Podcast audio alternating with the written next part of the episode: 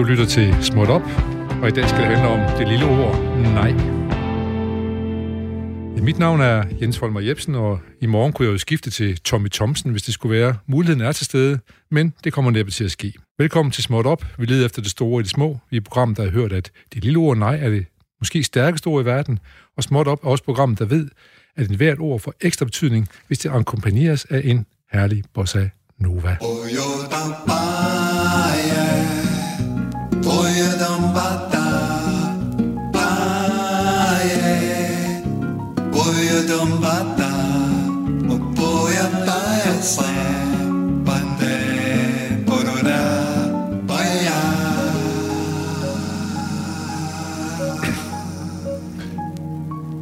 Ja, så er det blevet småt op tid i denne sommertid. Klokken har passeret 12, og vi har gang i timen, der skal lede os hen til den fremtid, som starter klokken 13.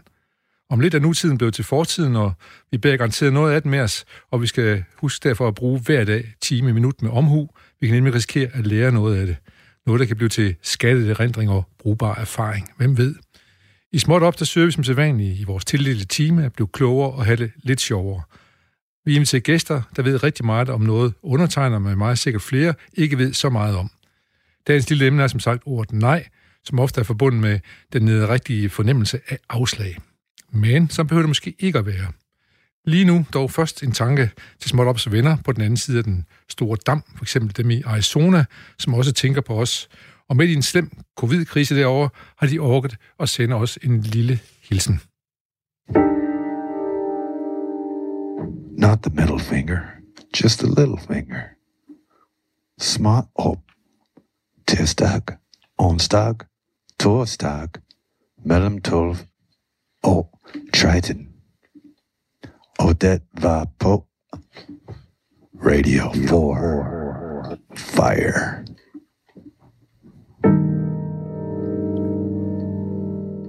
Ja, yeah, not the middle finger, just the little finger. Sådan er småt op programmet her, og vi siger tak til Harvey Gelb, som sad i, i, øh, i Arizona, murt, næsten murt ind i sit hus derovre i byen Tucson. Men nu så er det blevet tid til Breaking Småt.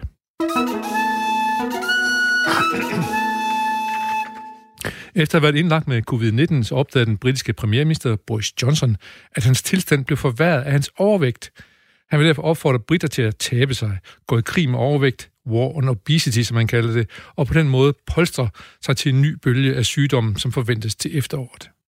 Det har fået foreningen Bite Back 2030, en forening ledet af teenager og støttet af politikere, sportsfolk og andre kendestyper, til at henvende sig til Boris Johnson. De skriver blandt andet, teenager over alt bliver manipuleret til at spise mad, som er dårligt for dem. Igennem dagen så er 50% af alle øh, øh, øh, hvad hedder det, reklamer for øh, fødevarer, såkaldte HFSS, High in Fat, Salt og Sugar.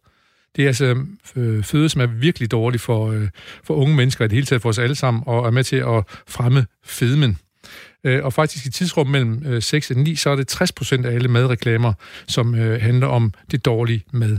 De foreslår, og derfor, øh, teenagerne foreslår derfor, at man sætter stopper for den kyniske markedsføring og allierer sig med en hel masse kendte sportsfolk og musikere, og her opfordrer nu Boris Johnson til at forbyde reklamer øh, for dårlig mad ind, øh, i tidsrummet før kl. 21. Lad os simpelthen tage det alvorligt. Det vil da være dejligt. Lige nu, så er til denne time blev tid til at præsentere dagens gæst. Line Tangård, velkommen. Tak.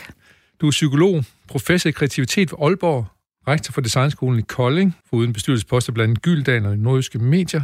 Og så kan jeg også præsentere som forfatter til flere bøger, både sådan teoretiske bøger og nogle måske knap så teoretiske bøger, men i hvert fald lidt mere let tilgængelige bøger, kan man sige. Øh, og vi skal også sige tillykke med din seneste bog, som handler om det kreative nej, som vi skal tale meget mere om, om at bruge afvisning som drivkraft. Men jeg kan godt tænke mig, med så mange gøremål. Der findes jo en gammel sang med Benny Holst og Arne Vivler, som du måske kender, hvor de synger, jeg står op om morgenen, går hen på mit job, jeg laver noget, og jeg får min løn. Men du står op og har mange jobs. Hvordan strukturerer din dag og bevarer din kreativitet, som jo er din, hvad skal man sige, øh, dit, dit, dit emneområde på universitetet? Mm. Jamen, det, øh, det gør jeg ved at, at stå op jo. Ja. så rent faktisk lave noget. Øh, og det er jo ikke givet, at man nødvendigvis øh, gør det. Øh, og så øh, tror jeg, at jeg er ret disciplineret. Ja, øhm, det, det må du simpelthen være. Ja, øh, og så øh, er jeg øh, god til at tage en ting ad gangen. sådan lidt ligesom at se, det kan godt være, at der er, der er mange ting, man skal nå på en dag, men bare fokusere på det, man er i gang med. Øhm, og så er nok god til at planlægge også. Ja. Øhm, ja. Så øh, er der også lidt med det der med, at når man laver mange ting, så vil der også være noget gensidig befrugtning. Altså, Ja. Så det er jo ikke bare lag på lag, det er faktisk noget, der, der beriger hinanden. Men så- oplever det. Så når du forsker lidt i kreativitet i Aalborg, så er det absolut også noget, du kan bruge i din undervisning, eller i den måde, du, du, øh, du, du kører skolen på i designskolen i Kolding. Ja, bestemt. Ja, ja. bestemt. Hvad, hvad, hvad, hvad er designskolen? Vi ved alle sammen, hvad Aalborg Universitet er, men fortæl lige lidt om, hvad designskolen i Kolding. Ja. Designskolen øh, Kolding, som jeg har lært at sige. Jeg Ja. siger nemlig også i Kolding. Kolding, ja, ja. Ja. Men øh, Designskolen Kolding øh, er jo øh, øh, verdens mindste universitet. Okay, Øh, har status af universitet fra 2010. Øh, så, er så, jo, det, så en akademisk uddannelse. Ja, det er Ja. ja. det. Med, med bachelor og kandidat og phd studerende og professorer har vi jo også. Øh, phd skole øh, men jo er jo oprindeligt fra, jeg tror, 67, øh, en kunsthåndværkerskole, som så har taget den her øh, langsomme, heldigvis, fordi Ja. det er ja. forudsætning for, at det kan lykkes, langsomme bevægelse fra en kunsthåndværkerskole til at være et universitet, som stadig bygger på på det håndværksmæssige. Altså, hvis du kommer ned og, og besøgte os, det er meget velkommen til. Ja, tak, det vil jeg gerne. Øh, så, øh, så vil du se, at øh, vi har altså stadigvæk øh, værksteder og øh, øh, øh, træner stadig de studerende i, i de basale håndværk inden for design. Ja. Men vi har også et auditorium. Øh, Ja, og, til øh, forelæsninger og den ja, slags ting. ja. Så, så hvad, hvad afleverer man øh, som, som sit, øh, sit speciale? Er det så en genstand, eller er det øh, Ja, det er teoretisk ofte, skrift? det er ofte faktisk begge dele, øh, og derfor bliver vores studerende, synes jeg, meget dygtige. Øhm, nu har jeg her under corona haft sådan nogle, øh, vi har haft sådan nogle video øh, nyhedsbreve, jeg har lavet sammen med øh, formanden for de studerendes råd, og øh, hun er så på andet semester, og hun fortalte mig, at hun var i gang med at strikke sit afgangsprojekt. Okay. og den skulle jeg selv sådan lige, okay, hvordan Ja. gør man det? Ja, Men det handlede så om horisonten, og det handlede så om at strikke med en uendelig tråd ja, øh, fordi hun havde brugt naturen meget her øh, under den her krise okay. som inspirationskilde. Så det var et, et, et, et, øh, et, et, en kjole, øh, øh, og så var det også en, en tekst, øh, hvor hun så udfoldede sig. ja. Og, og den der tråd der, som er uendelig. Mm. Nu siger du ting, de kunne, øh, at de godt kan øh, øh, smitte lidt af på hinanden. Øh, og lige pludselig, jeg- har lige en lille parentesbemærkning her, for jeg var faktisk til øh, tre dages koncert med David Byrne i New York. Og en aften, den gik ud på at spænde en tråd ud over scenen, Ja. som var uendelig. Og så var det den samme grundtone, der kørte igennem hele øh, koncerten den aften der. Ej, hvor smukt. Ja, ja, det var nemlig ret fint, faktisk. Ja. Så, men det kommer jeg bare lige til at tænke på. Det var noget helt andet, men dog lidt i familie med det. Men jeg, jeg er også lige lidt nysgerrig efter for at vide øh, øh, kreativitet. Hvordan, hvordan definerer du kreativitet? Det er noget med en proces, synes jeg. Jeg kan se, at du beskriver det i hvert fald. Jamen, det er ikke et øjebliks inspiration. Nej. Øhm, altså, der er jo det, når vi siger kreativitet, så er det sådan et substantiv. Ja. Altså, det, så tror vi, det er noget ud i verden, sådan, vi sådan kan gribe os. Der er den, og der er den. Men, men når vi kigger på menneskers liv og andre organismers liv, altså dyr er jo også kreative, kan være det til en vis grad, så, så er det jo mere en proces. Altså, vi handler i verden på øh, ofte meget kreative måder, uden nødvendigvis selv at vide det. Øh, du gjorde det lige. Du lavede lige en association til en koncert i Så kommer der en parentes, ja. Ja, der kom en parentes, du forbandt noget. ja. Og det er en meget kreativ proces. Øhm, så, så det er, altså det er for mig så sådan lidt for enkelt sagt, så er det at handle i verden på en meningsfuld måde, som skaber noget. ja. Altså fordi kreativitetsordet er sådan grundlæggende set opbyggeligt. Altså det handler om at bringe noget ind i verden, tilvirke noget, et stykke musik, øh, et, et stykke strik, Ja, en bog, ja, et radioprogram. Øhm, og det er ofte det, vi betegner os. Altså, vi siger, der var vi kreative, siger vi. Vi opdager det først bagefter. ja. Okay, jeg synes også, at måske nogle gange er nogen, der bruger kreativ som noget, at hvis man sidder og skriver, så får man en, en rigtig god idé eller en løsning på et eller andet, så, så er jeg været kreativ eller sådan noget. Men, men det er så processen selvfølgelig, det, det tingene sker i. Ja, det er det. Og det er jo ikke... Altså, de fleste af os får jo øh, 117 idéer. Ja. Øh, Ja. Men øh, altså, kreativitet kommer af lat- latin creare, at skabe. Skabe, ja. Så det er jo få skabt noget ud af den der idé. Ja, Øhm, ja. Men vi har det også sådan lidt her, at idéer, det er noget af det letteste at få, men det svære, det er at få dem øh, udlevet, eller få dem virkelig gjort, ikke? Ja. Jo, præcis. Jeg, jeg havde på et tidspunkt en, en god samtale med en øh, lærer på arkitektskolen, underviser på arkitektskolen her i Aarhus, og hvor han sagde til mig, at de fleste af os får kun to til tre gode idéer i løbet af et helt liv. Ja.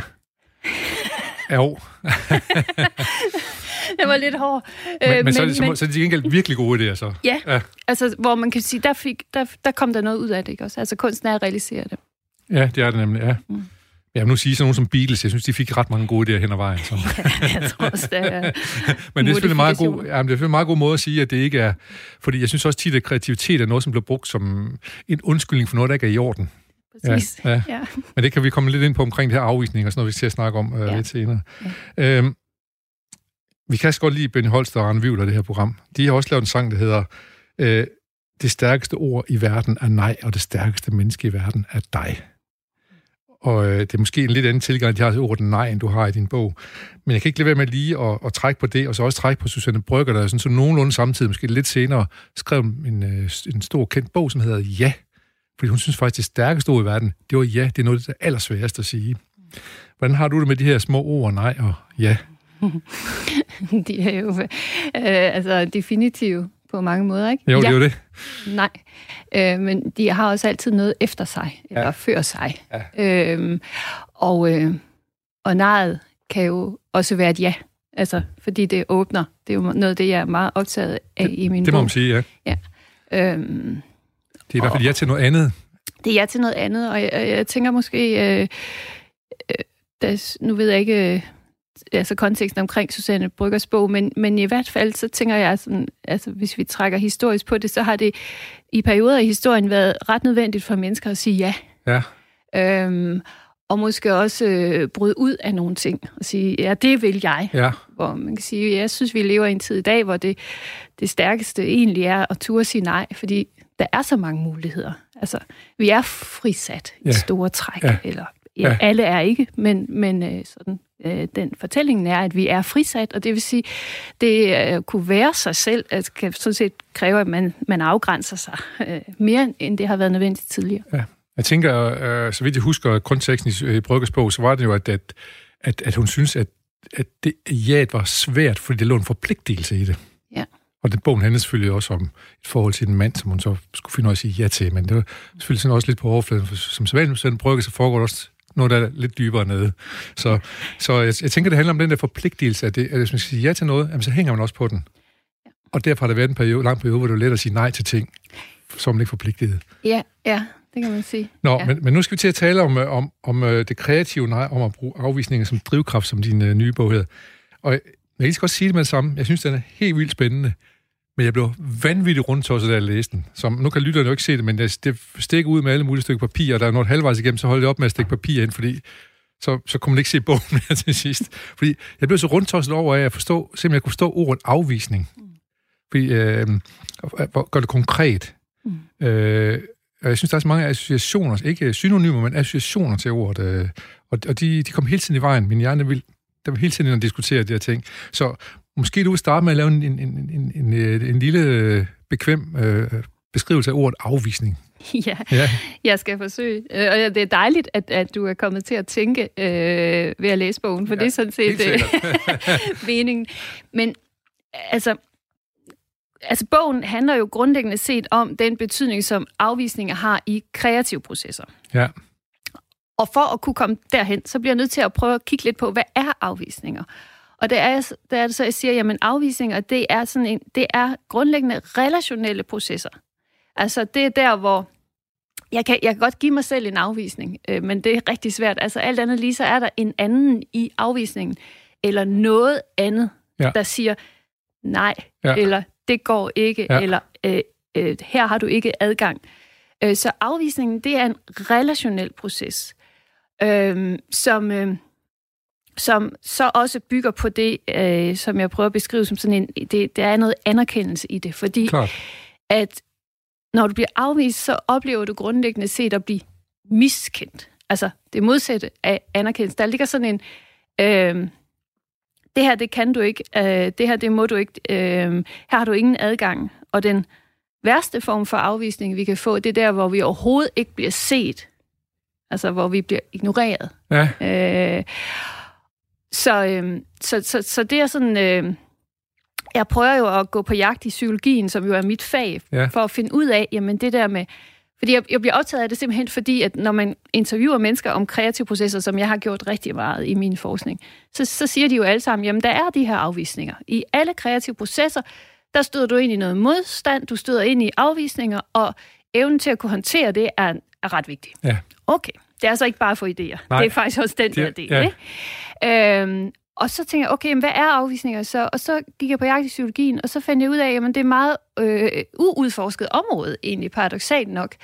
Øhm, når man leder efter det, så får man øje på, altså der findes mobningsforskning for eksempel, der findes eksklusionsforskning, som vi er meget optaget af i de her tider. Hvem, hvem anerkender vi Kan overhovedet? Ja, ja, Øh, men, men, men at, at, at altså, jeg finder så ham her, øh, McLary, som, som siger, at jamen, afvisningen på den ene side, så er, den, så er der den lille bitte afvisning, som er sådan, øh, øh, det der må du ikke, men prøv igen, eller øh, godt nok forsøgt, de er her stadig, jeg støtter dig. Ikke? Den kan vi godt, altså det er nemt. Ja. Altså okay, jeg Ja. prøver lige lidt Den mere. kommer vi hurtigt over. Som. Den kommer vi hurtigt over, ikke? og især hvis vi er i det, det her sådan tillidsfulde trygge rum, så kan vi sådan set klare alt der. Men over på den anden side, kan man sige, så er der den, altså, den blanke, totale afvisning, og så den der, hvor du overhovedet ikke bliver set. Og det er langt sværere for os at håndtere. Ja. Øh, så afvisninger, det, har, det er et kæmpestort spænd, kan man sige. Det må man sige. Og, så der, og, og der er så en masse, der er en masse ting, som påvirker den Ja. afvisning. Ja. Og det er nogle af de ting, som måske, den, måske jeg tror selv faktisk, du til den tidspunkt bruger ordet prisme, som måske nogle ord, som, øh, som, eller, som skinner ud af ordet øh, øh, afvisning, som jeg godt kunne tænke mig, måske vi tale om, så jeg begynder så at forstå lidt mere af det. Mm. Øhm, fordi der er, ingen, der er ingen tvivl om, at jeg faktisk kommer jeg til at tænke lidt på, når du snakker om det, der, at det er en relation, man har, men, og så kommer jeg til at tænke på, at religion har faktisk øh, øh, bedt folk om at lave afvisninger selv, eller holde igen, ikke? Altså, man skal hænderne over dynen og alt muligt andet. Mm. Men der er selvfølgelig en relation, som hedder Gud deroppe, ikke? Som i det høje, mm. som holder øje. Mm. Øh, så der er relationer, så jeg, jeg, jeg tager lige i mig igen. Men det er sådan, jeg begynder, hver gang jeg læser noget, og du siger noget, så, bup, så kommer jeg ud af sådan nogle der tankrækker der. Ja. Øh, og det er jo ikke særlig øh, konstruktivt, hvis man skal forstå. Så på et tidspunkt må jeg jo sætte mig ned og så, så forstå. Men det første, jeg tænker, mange tænker på, når de hører ordet, øh, øh, hvad hedder det, af, af, afvisning, så, så, øh, så det er jo nederlag. Den, der blev afvist, føler tit et nederlag. Øh, og det vil... Øh, og det nederlag, kan man bruge det positivt? Det siger du, det kan man godt. Det hvis, kan man. Hvis det er et trygt nederlag. Ja. altså, som, som jeg skriver i bogen, så vil det jo være sådan, at øh, givet, at en afvisning altid er i et relationelt rum, Ja, mellem dig og mig, Ja. eller, eller, eller mig og en eller anden ting, jeg gerne vil. ja, det giver mening. Det giver mening, ikke? Så må vi også erkende, at så bærer vi på nogle relationserfaringer alle sammen, som er relationelle. Det vil sige, at der er noget for eksempel i vores barndom. Ja, Hvordan har vi lært at forholde os til afvisninger ja. eller øh, modstand? Øh, og det er jo både øh, forældrerelationer, søskende relationer i børnehaven, øh, vuggestuen, i Ja. skolen og senere hen i arbejdslivet.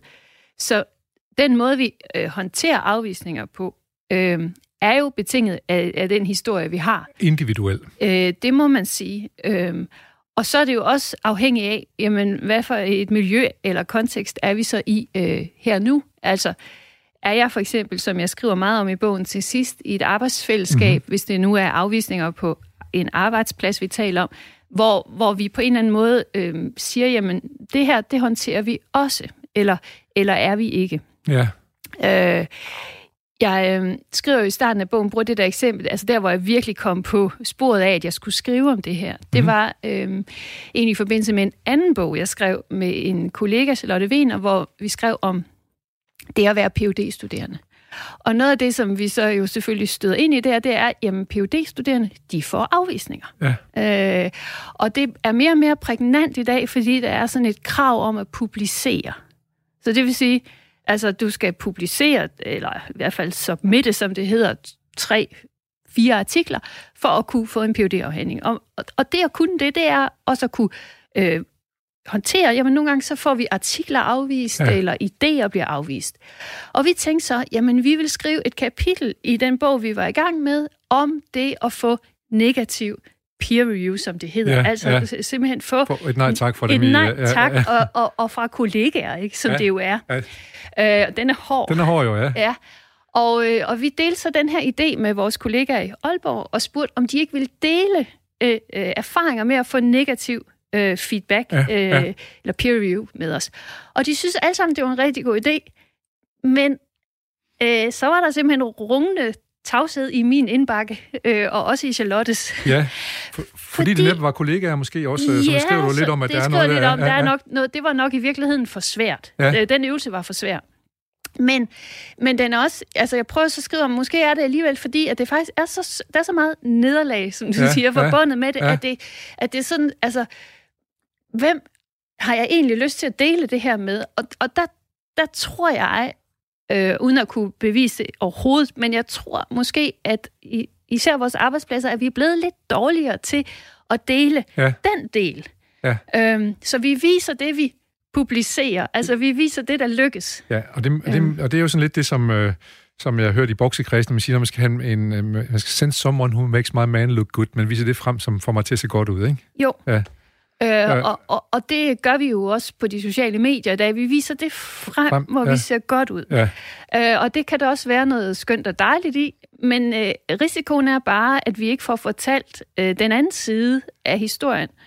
Øh, og at man derfor måske som, øh, det kan måske især være som, som, øh, som lidt uerfaren øh, ny medarbejder eller øh, studerende, eller hvad det måtte være, tænker, Nå, men de andre, de har til sydenladende bare styr på det, og de Ja. publicerer. ja, Øh, og jeg fik da ikke lige fortalt, det stod ikke i velkomstbrevet, han Nej, sagt, nej, det skal ja, jeg måske heller nej. ikke.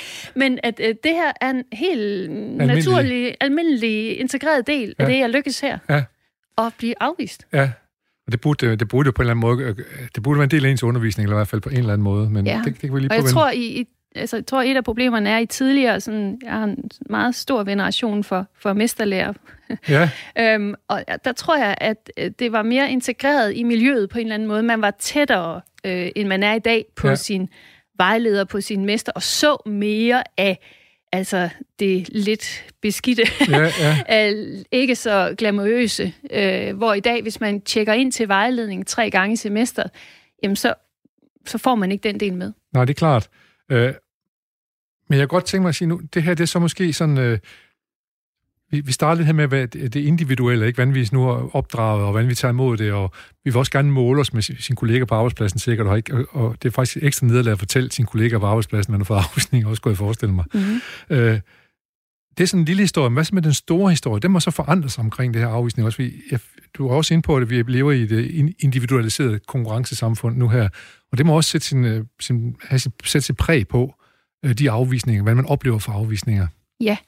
Altså, jeg, jeg skriver jo, øh, inspireret jo af min læsning af Uwe Kaj Pedersens Konkurrencestaten og Katrin Hjorts bog Det affektive samfund, at, at vi lever i, jeg kalder det så et adgangssamfund. At det gælder om at skaffe sig adgang. Øh, vi er frisat, øh, og, øh, og det betyder, at øh, der er en grundlæggende fortælling om, at man kan, hvad man vil, øh, og øh, hvis... Øh, du er en god forælder i dag, så sørger du for at optimere dit barns muligheder, den rigtige vuggestue, den rigtige kost, den rigtige skole og... og, og De rigtige børnebøger, de rigtige... det, der, der, er ja, meget, ja, ja. Der, skal, der skal virkelig meget Ja. ja. til i dag. Ja. Øh, og, øh, og det betyder, at øh, hvis du så mislykkes i den der skaffe dig adgang øh, til dig selv eller dit barn, jamen så, øh, så er fortællingen i dag, at du er mislykket, hvor man kan sige, altså, og der er masser af gode ting i, i frisættelsen, fordi den, den giver mange muligheder, og rigtig mange kan, hvad de vil. Ja,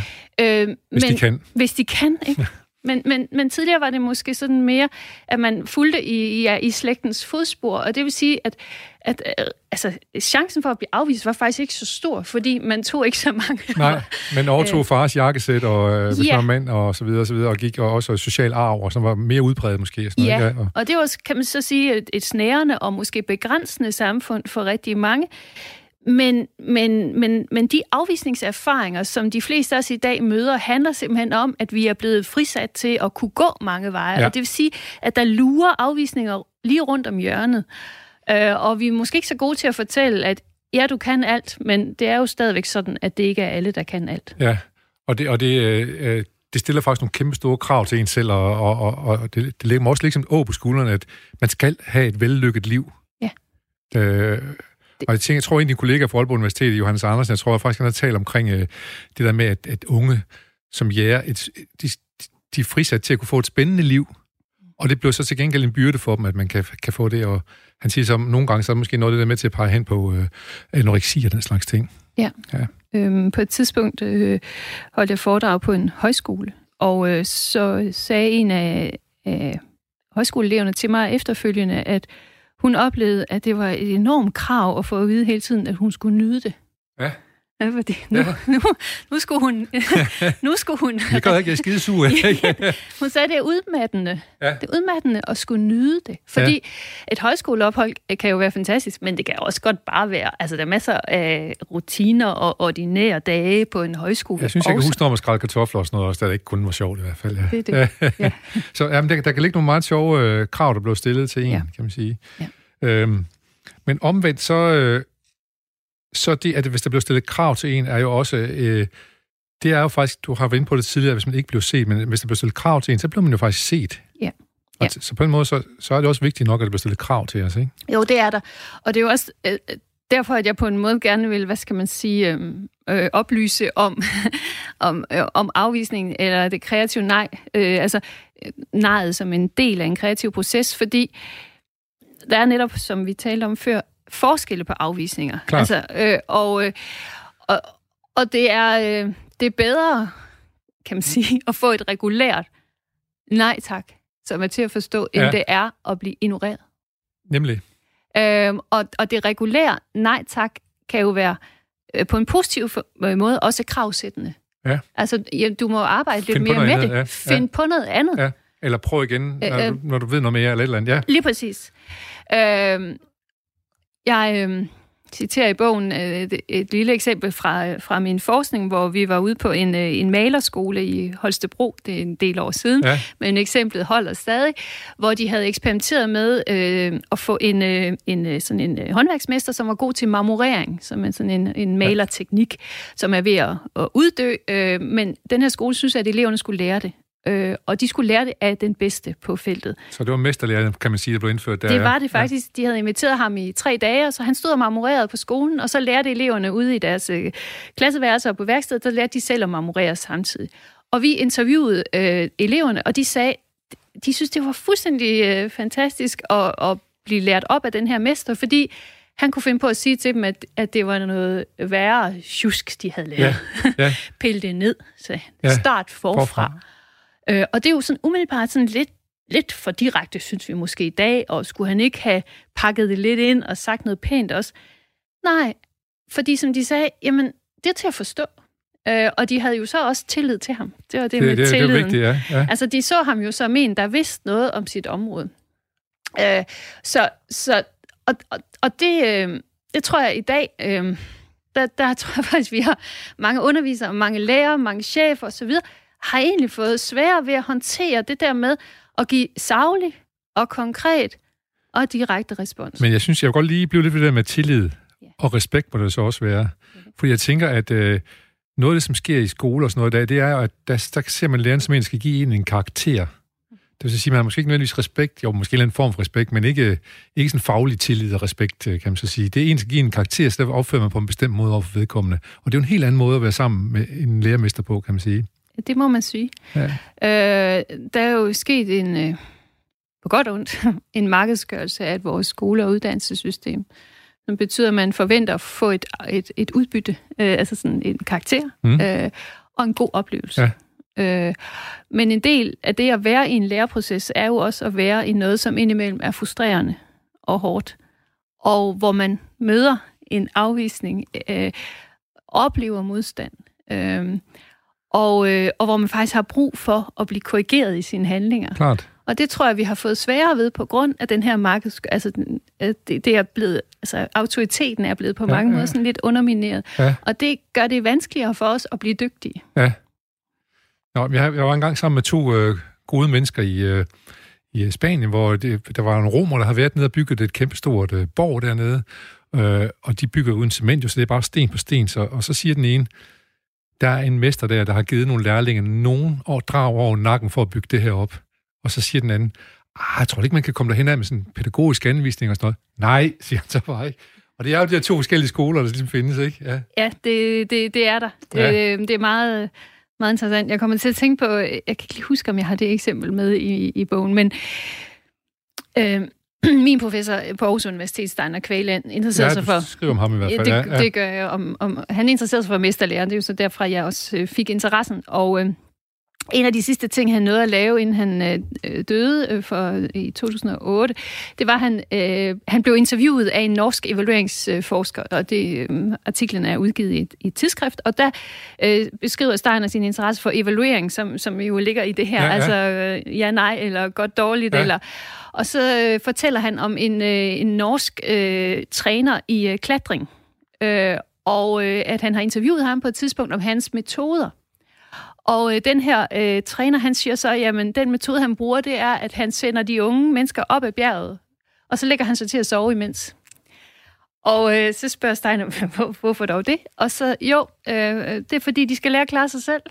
Ja. Øh, men de skal også vide, at jeg er der. Så ja. jeg, de, jeg holder jo øje med dem, ja. eller øh, ja. de kan altid komme ned igen. Ja. Øh, og det synes jeg er sådan en smuk måde at, at egentlig beskrive på, hvordan man kan give feedback, ja, ja, ja, som vi kalder det i dag, uden nødvendigvis at, at bruge sådan særlige øh, feedback-metoder øh, hentet fra den pædagogiske værktøjskasse, ja, ja, ja. men at det i virkeligheden er tillid ja. og respekt, ja. som er, kan man sige, drivkraften, drivkraften i det. Ja. Jeg tænker faktisk, øh, når du fortæller den historie, så øh, det, det er meget sådan, jeg intuitivt opdrager mine børn lidt. Jeg siger, og nogle gange tænker jeg, at det er dogenskab, jeg gør det, eller er det måske også øh, det er en bjørntjeneste, eller er det, er det faktisk en tjeneste, der gør det? For jeg siger, I ved, hvor jeg er hen. Jeg har altid, hvis I får brug for det, men gå nu ud og gøre egne erfaringer. Ja. Det er sådan stort set det, øh, der er budskabet, ikke? Ja. Jo, præcis. Øhm, nu begynder vi at nærme os lidt af, af, af det, som... Øh, nej, der, jeg har nogle af de her ord, der, som den der prisme, som afvisning, den har, den har sendt i min retning. Det ordet magt, for eksempel. Det, det, altså, det, der er folk med magt, der kan give afvisninger. Det er jo det er både positivt og negativt. Det har næsten, næsten været inde på nu her, ikke? Ja, præcis. Om, om, den, om den afviste føler sig respekteret. Ja, og det er jo den der igen fortælling om adgangssamfundet, hvor vi øh, lever i illusionen om, at alle har lige adgang til alt. Ja. Men der er magt. Der ja. er gatekeeper. Ja. Øh, der er nogen, som lukker op, og, eller, eller ja. lukker igen. Ja. Øh, åbner hedder det, ikke åbne op. Nej. og øh, altså man kan sige, da jeg startede med at forske i kreativitet øh, for øh, 10-15 år siden, der er en af de myter, jeg havde lyst til at gøre lidt op med, det var den der idé om, at det bare handler om at få en idé. Eller ja. at, at den kreative proces er sådan en meget intellektuel størrelse, hvor vi er her oppe i hovedet, ja. og så udtænker vi øh, geniale idéer, eller vi får et indfald, og så er den der bare, ja. og så går vi ud i verden med det. Øh, fordi når man kigger på altså, reelle sådan, skabelsesprocesser, så kan man jo se, jamen det er sådan set, altså selvfølgelig er et spørgsmål om, om en god idé, men det er også et spørgsmål om at kunne håndtere øh, systemer, øh, håndtere magt. Ja. Øh, kunne navigere i et felt, hvor du også øh, har brug for at skaffe dig adgang til økonomiske ressourcer. Du bliver nødt til at have gode venner. Du ja. bliver nødt til at kunne håndtere dine fjender, hvis ja. du har sådan ja. nogen. Øh, så hele den der lidt kedelige del af den kreative proces, altså vi kan bedst lige opholde os ved det, er klart. det lykkelige øjeblik, ja, hvor ja. vi, aha, ja. momentet, ja. det er jo fantastisk, nu har jeg den. Men derfra og så til at kunne øh, stå med et eller andet værk i verden, ja. et produkt, ja. Ja. En, en, en god måde at gøre der, tingene der på. Vej, ja. Der er langt. Ja, ja. Og, og det at kunne håndtere, for eksempel, første gang du, jeg har nogle eksempler i bogen, hvor nogle, øh, det var nogle ingeniører, jeg fulgte, som gik til deres chef med en god idé, de synes de havde, og chefen sagde, det synes jeg så ikke lige, I har. Og de så besluttede sig for en måde at håndtere det på, det var for dem at mødes hver torsdag eftermiddag en, en halv times tid. Og det gjorde de så i et år, hvor de forfinede deres idé, ja, hvor de arbejdede ja, ja, ja. Med, med afvisningen, ja, kan man sige, og den modstand, de fik.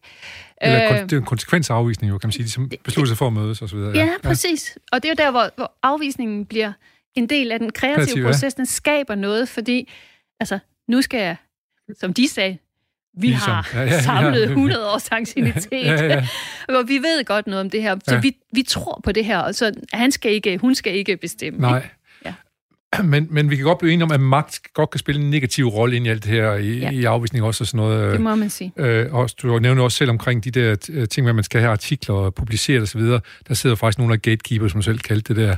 Ja. Og det kan godt, lige pludselig kan det komme til at handle om forbindelser eller fortidige øh, præstationer og sådan noget også, ikke? Ja. Det må man sige. Ja. Øhm, jeg bruger jo en del eksempler i bogen fra, fra den videnskabelige verden, og det, der, altså videnskab er jo også en social praksis. Det er også et spørgsmål om forbindelse. Klart. Om at kende. Øhm, da jeg skulle publicere min første artikel, der skrev min vejleder til redaktøren og sagde, jeg har en phd studerende hun har skrevet den her artikel. Jeg tror, det kunne være spændende for jer. Ja, sådan, ja, ja, ja. Altså, jeg var jo aldrig kommet i nærheden af, tror jeg, at publicere der. Hvis, hvis ikke, ikke. Den var blevet præsenteret på den sølvbakke der, kan man mm. sige. Ja. Mm. ja. Sådan er det, man skal have forbindelser. Ja. ja. Så kommer noget af det, som du har talt faktisk, i hvert fald men meget indomkring, som jeg også synes er helt vildt spændende. Det er det, der hedder kritik. Fordi man synes jo tit, der ligger en, en, en afvisning i, i kritikken. Det er sådan set også en afvisning, kan man sige. Men kritikken er jo også et skridt på vejen for at gøre ting kvalitativt bedre. Hvorfor er det, vi er så bange for kritik? Fordi det bliver negativ afvisning, eller hvad tænker du? Øh, jeg, jeg tænker, nu kommer jeg lige tilbage til det her med mesterlærer, men der, der, der, i, i mesterlæren ligger der en integreret... Det, altså, der er ingen karakter i en klassisk mesterlærer, hvis vi nu øh, skal blive der. Vel? Man, man får en, en bedømmelse på en anden måde. Ja. Øh, og det er typisk konsekvensevaluering. Er brødet hævet, eller er det ikke? På den rigtige måde, eller ikke? Forfra. Ja. Okay, ja, ja. vi prøver igen. Øh, og det er kritik, kan man sige, fra materialet, eller kritik fra din øh, svend eller din mester.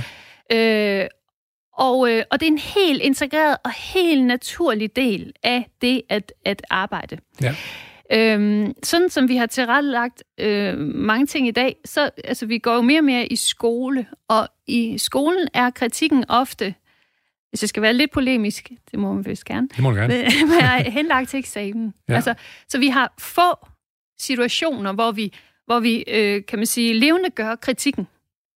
Og det er vores problem, mener jeg. Ja. Altså, vi skal i langt højere grad øh, kunne integrere øh, kritikken i vores almindelige arbejde. Og det tror jeg blevet, jeg tror, vi er, vi er egentlig blevet øh, berøringsangste.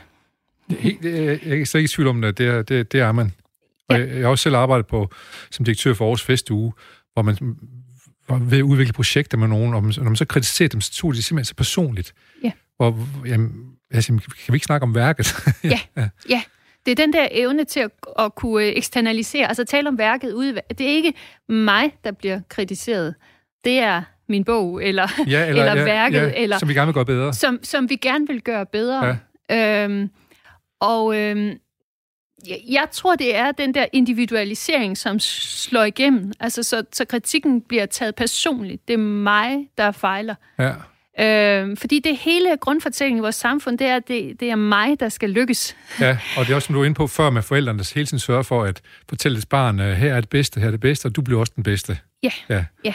Så den der, kan man sige, det at kunne kigge på noget ude i verden sammen, og kunne skabe et fælles træde, og kunne sige, her har vi noget, som vi sammen er øh, enige om skal blive bedre, så hvordan gør vi det bedst muligt? Ja.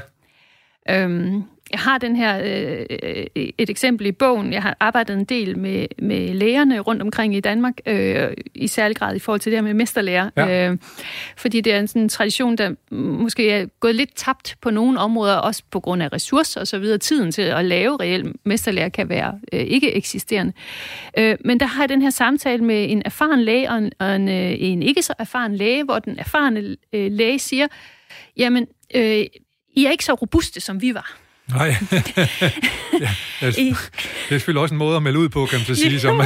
det må man sige, ja. og kaldet er forsvundet, og så videre, ja. så videre. Og så siger den øh, øh, mere nytilkommende læge, så siger hun, nu skal du stoppe med det der, fordi selvfølgelig er vi det. Det handler om at opbygge et robust fællesskab. Ja. Og der synes jeg egentlig, hun har en pointe, fordi det handler om de kulturer, vi skaber for, jamen, hvordan gør vi så hinanden øh, mere modstandsdygtige, ja. eller bedre i stand til at kunne håndtere øh, op og ned i vores arbejdsliv, ja. og, og de vanskelige ting. Ja.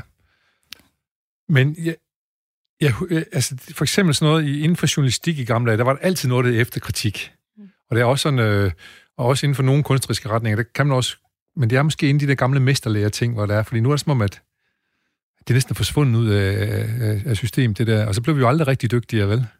Nej, øh, jeg tror aldrig, vi har brugt så meget tid øh, i vores samfund på at krydse af i skemaer, om Nej. vi er tilfredse eller ej med noget. Ja. Altså, så man kan sige, på en måde evaluerer vi som aldrig før. Ja.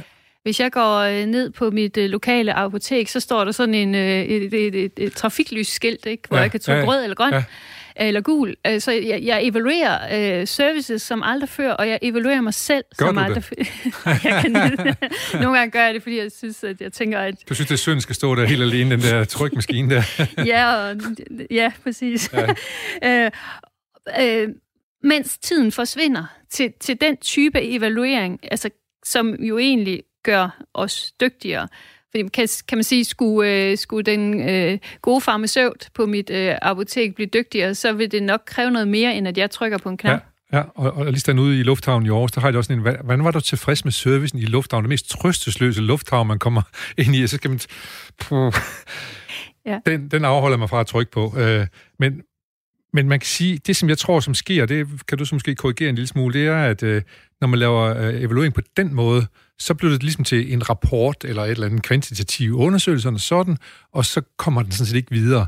Men hvis du har en hvad skal man sige, ting, så, så er det jo et forhold mellem nogle mennesker, og så er du nødt til at forholde dig til det, ikke? Ja, og jeg, og jeg tænker, at argumentet øh, imod øh, det, som jeg fortaler for, altså at vi bruger tiden på kritik, at vi bruger tiden på reelle, faglige, saglige evaluering, det, det har vi ikke tid til. Nej. Sige, mm, jamen lad os nu lave øvelsen. Jeg er ikke økonom, men hvis vi nu tænker på, hvor mange ressourcer vi bruger på det andet, så vil der sikkert være noget der, vi kunne bruge ja. til at, at, at, at, altså genuint at udvikle det, vi er i gang med, med afsæt i det, vi faktisk er i gang med. Gang med at lave, ja.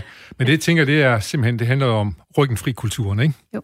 Ja, vi har lavet en undersøgelse, vi har spurgt du er tilfreds, vi har bom, bom, bom og alt sådan noget der, så nu, godt, så kan vi komme videre. Og der er vi tilbage til det med tillid.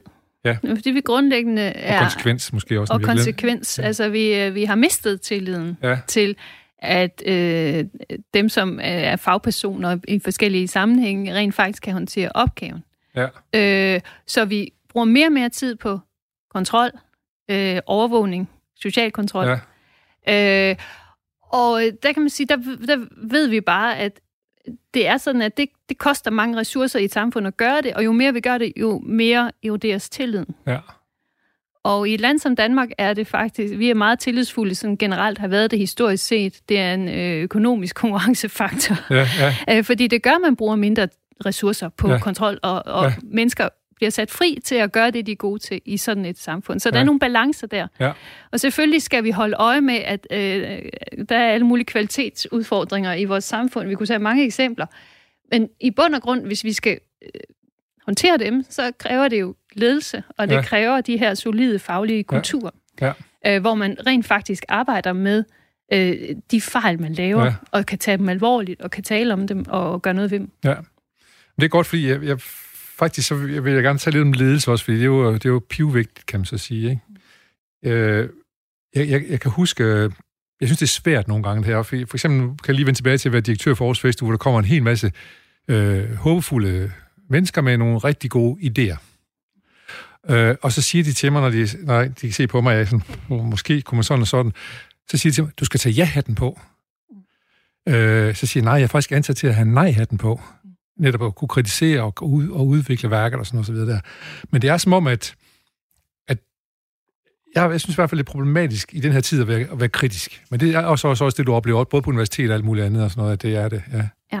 Altså, det må jo være derfor, jeg har skrevet bogen, tænker jeg. Det er det jo nok. Der, der, der er jo et eller andet, der ulmer, et eller andet, som, øh, som, som jeg har haft brug for at sige, der er noget her, jeg er heller ikke selv færdig med at undersøge det. Nej. og det tænker jeg også, nu gange, så skal man også skrive en bog, og så skal man sige, her er noget, vi måske skal tage alvorligt, og jeg er ikke færdig med at finde ud af, hvad det er. Men jeg kan i hvert fald dele den der oplevelse med, at det er blevet, blevet sværere. Jeg har en anden lille episode i bogen, hvor jeg har undervist på øh, en arkitektskole et sted i Danmark, og øh, jeg bliver så kørt til banegården af en af underviserne. Jeg skal hjem til Aarhus, og, øh, og så øh, øh, fortæller jeg, at jeg er gået i gang med den her bog, øh, som handler om øh, at kunne håndtere en afvisning, øh, og kunne øh, modtage kritik, øh, og bruge det i en kreativ proces. Og han siger spontant, jeg køber et klassesæt. Og så, ja. så siger jeg, ja, fint, jeg tænker, det, det lyder godt. Ja. Nej, men, men så, hvorfor? Jo, fordi han oplever, at øh, for ham, at det er blevet sværere, fordi mange af de studerende er mere skrøbelige, siger han. Ja. Og så tænker jeg, jamen, måske er, de, måske er vi alle sammen lidt øh, skrøbelige. Ja, ja. og blevet dårligere til at kunne sige, altså som du gav eksempel, det der, kritik er jo ikke personlig. Nej. Kritik skal helst være på sagen. Ja. Men sagen er jo, Ja. at vi har øh, en skole og et uddannelsessystem, som har lært os alle sammen de seneste mange år at vende indad, altså at fokusere på vores egen uddannelsesplan og vores karriere og, og, og Hvilket du også blev opfordret til allerede for tredje klasse i folkeskolen nærmest, ikke? Lige præcis. Ja. Så vi er, jo fået, vi er jo blevet opdraget til at vende os lidt væk fra sagen og det fælles træde. Ja, ja. Så det er ikke så mærkeligt, at når vi så får kritik, at vi så tænker, jamen, der må være noget galt med min uddannelsesplan. Eller Ja. der må være noget galt med min tilgang til tingene. ja. Og det kan der godt nogle Ja. gange være. Men det kunne også godt være, at der kunne ligge noget ude i det fælles rum, vi kunne prøve at kigge på, og så sige, lad os prøve at, at se, hvordan kan vi blive øh, bedre sammen til det her. Og der tænker jeg, at det er, det er en ledelsesopgave, det er en, øh, en undervisers opgave. Ja, øh, det, er jo aldrig bare, det er jo aldrig bare de studerende, der er blevet mere skrøbelige. Altså, Nej. det, det er for let at sige det. Ja, og du har også langt afsnit om 12-talspiger, sådan noget, hvor du går ind og, og problematiserer, og at man bruger den term der, for eksempel, Nemlig. ikke, som i forlængelse det, du lige sagde her. Ja. Øh, men, det- men det er blevet lidt tabuagtigt Mhm. at kritisere, ikke? Det er det. Og afvise. Øhm, ja, og jeg, jeg runder jo lidt... Øh, jeg, jeg har øh, det, jeg kalder den positive, eller som hedder den positive psykologi, Ja. ja. som jeg egentlig på mange måder synes gør noget godt. Ja. Altså, fordi den positive psykologi, det er sådan helt enkelt på en måde Du sige, kan lad os, godt. Ja. ja. Lad os Ja. fokusere på det, der fungerer. Øh, psykologiens historie er en lang historie og med fokus på det dysfunktionelle. Det, der ikke fungerer, lad os kigge på det, der er godt. Ikke? Men en bagside ved brun, tror jeg, ikke ved den positive psykologi, Nej, men ved brun, brugen af den, den, ja. det er, at vi kommer til at forhærlige altså ja-hatten, Ja, eller, ja, netop, ja. eller øh, det positive. Ja. Nu, nu anerkende øh, tilgang, og vi, vi må endelig ikke tale om det, der er svært. Nej, Og det er desværre problemet. ja. Det er et meget stort problem, jeg skal sige. Men jeg synes, jeg, synes, øh, jeg kan se på nogle af mine øh, datters gymnasieelever, hans egen, øh, det er, at de er meget disciplineret faktisk. Og det er jo sådan set en meget god ting, at de mm. er det. Men at de faktisk også, når de, øh, hvad skal man sige, øh, det gode sker, når de er inde i sammenhæng med nogen, og de finder ud af noget, de vil sammen. Mhm. Lave et band, lave et teaterstykke, gøre et eller andet. Det er der, der begynder at ske nogle ting på de her områder, vi snakker om her. Præcis. At de godt kan tåle en afvisning og sådan noget, fordi de ved, at det, her, vi skal det her, vi, er helt, vi vil gerne, ikke? Ja. Ja, præcis. Ja. Øhm, altså, vi kan jo... Jeg, jeg er nået til tre af de 12 ord, jeg har skrevet op her. Så måske en dag, vi kan tage en anden snak omkring fortsætte det her. Det er jo helt vildt spændende at, at tale om. Og jeg, det er faktisk så spændende, jeg har helt glemt at sige, at det, du lytter til Småt Op, og jeg besøger Line Tangård, som har skrevet den her bog, Det kreative nej, om at bruge afvisninger som drivkraft.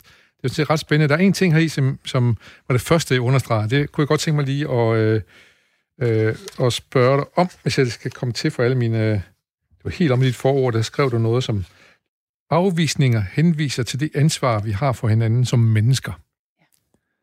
Jeg gentager lige. Afvisninger henviser til det ansvar, vi har for hinanden som mennesker.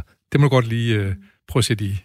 Men det er jo, ja, øh, det, tak for den sætning, fordi den, den, det er jo lige præcis det, vi lige har talt om, Ja, det nemlig det at jo, det ja. er et ledelsesmæssigt ansvar. Vi må aldrig ende med at sige, at øh, de yngre læger er ikke robuste nok, eller øh, de unge er skrøbelige, eller 12-talspigen er et problem. Det er simpelthen for alt for simpel en analyse af, hvad det handler om. Det er et ansvar, vi må tage øh, på os alle sammen i forhold til, hvis man nu har et fag, eller arbejder ind med et håndværk, eller har noget, man kærer sig om, noget, man holder af, så har man egentlig lidt et ansvar for også at kunne stå på mål for, hvad kvalitet er inden for det område. Ja. Øh, og, og en del af det at udvikle kvalitet, det er at sørge for, at øh, at, der, er, at det er de bedste ting, der kommer til verden, og at vi får sorteret øh, øh, skidt og møg og, øh, og, og destruktive produkter ud.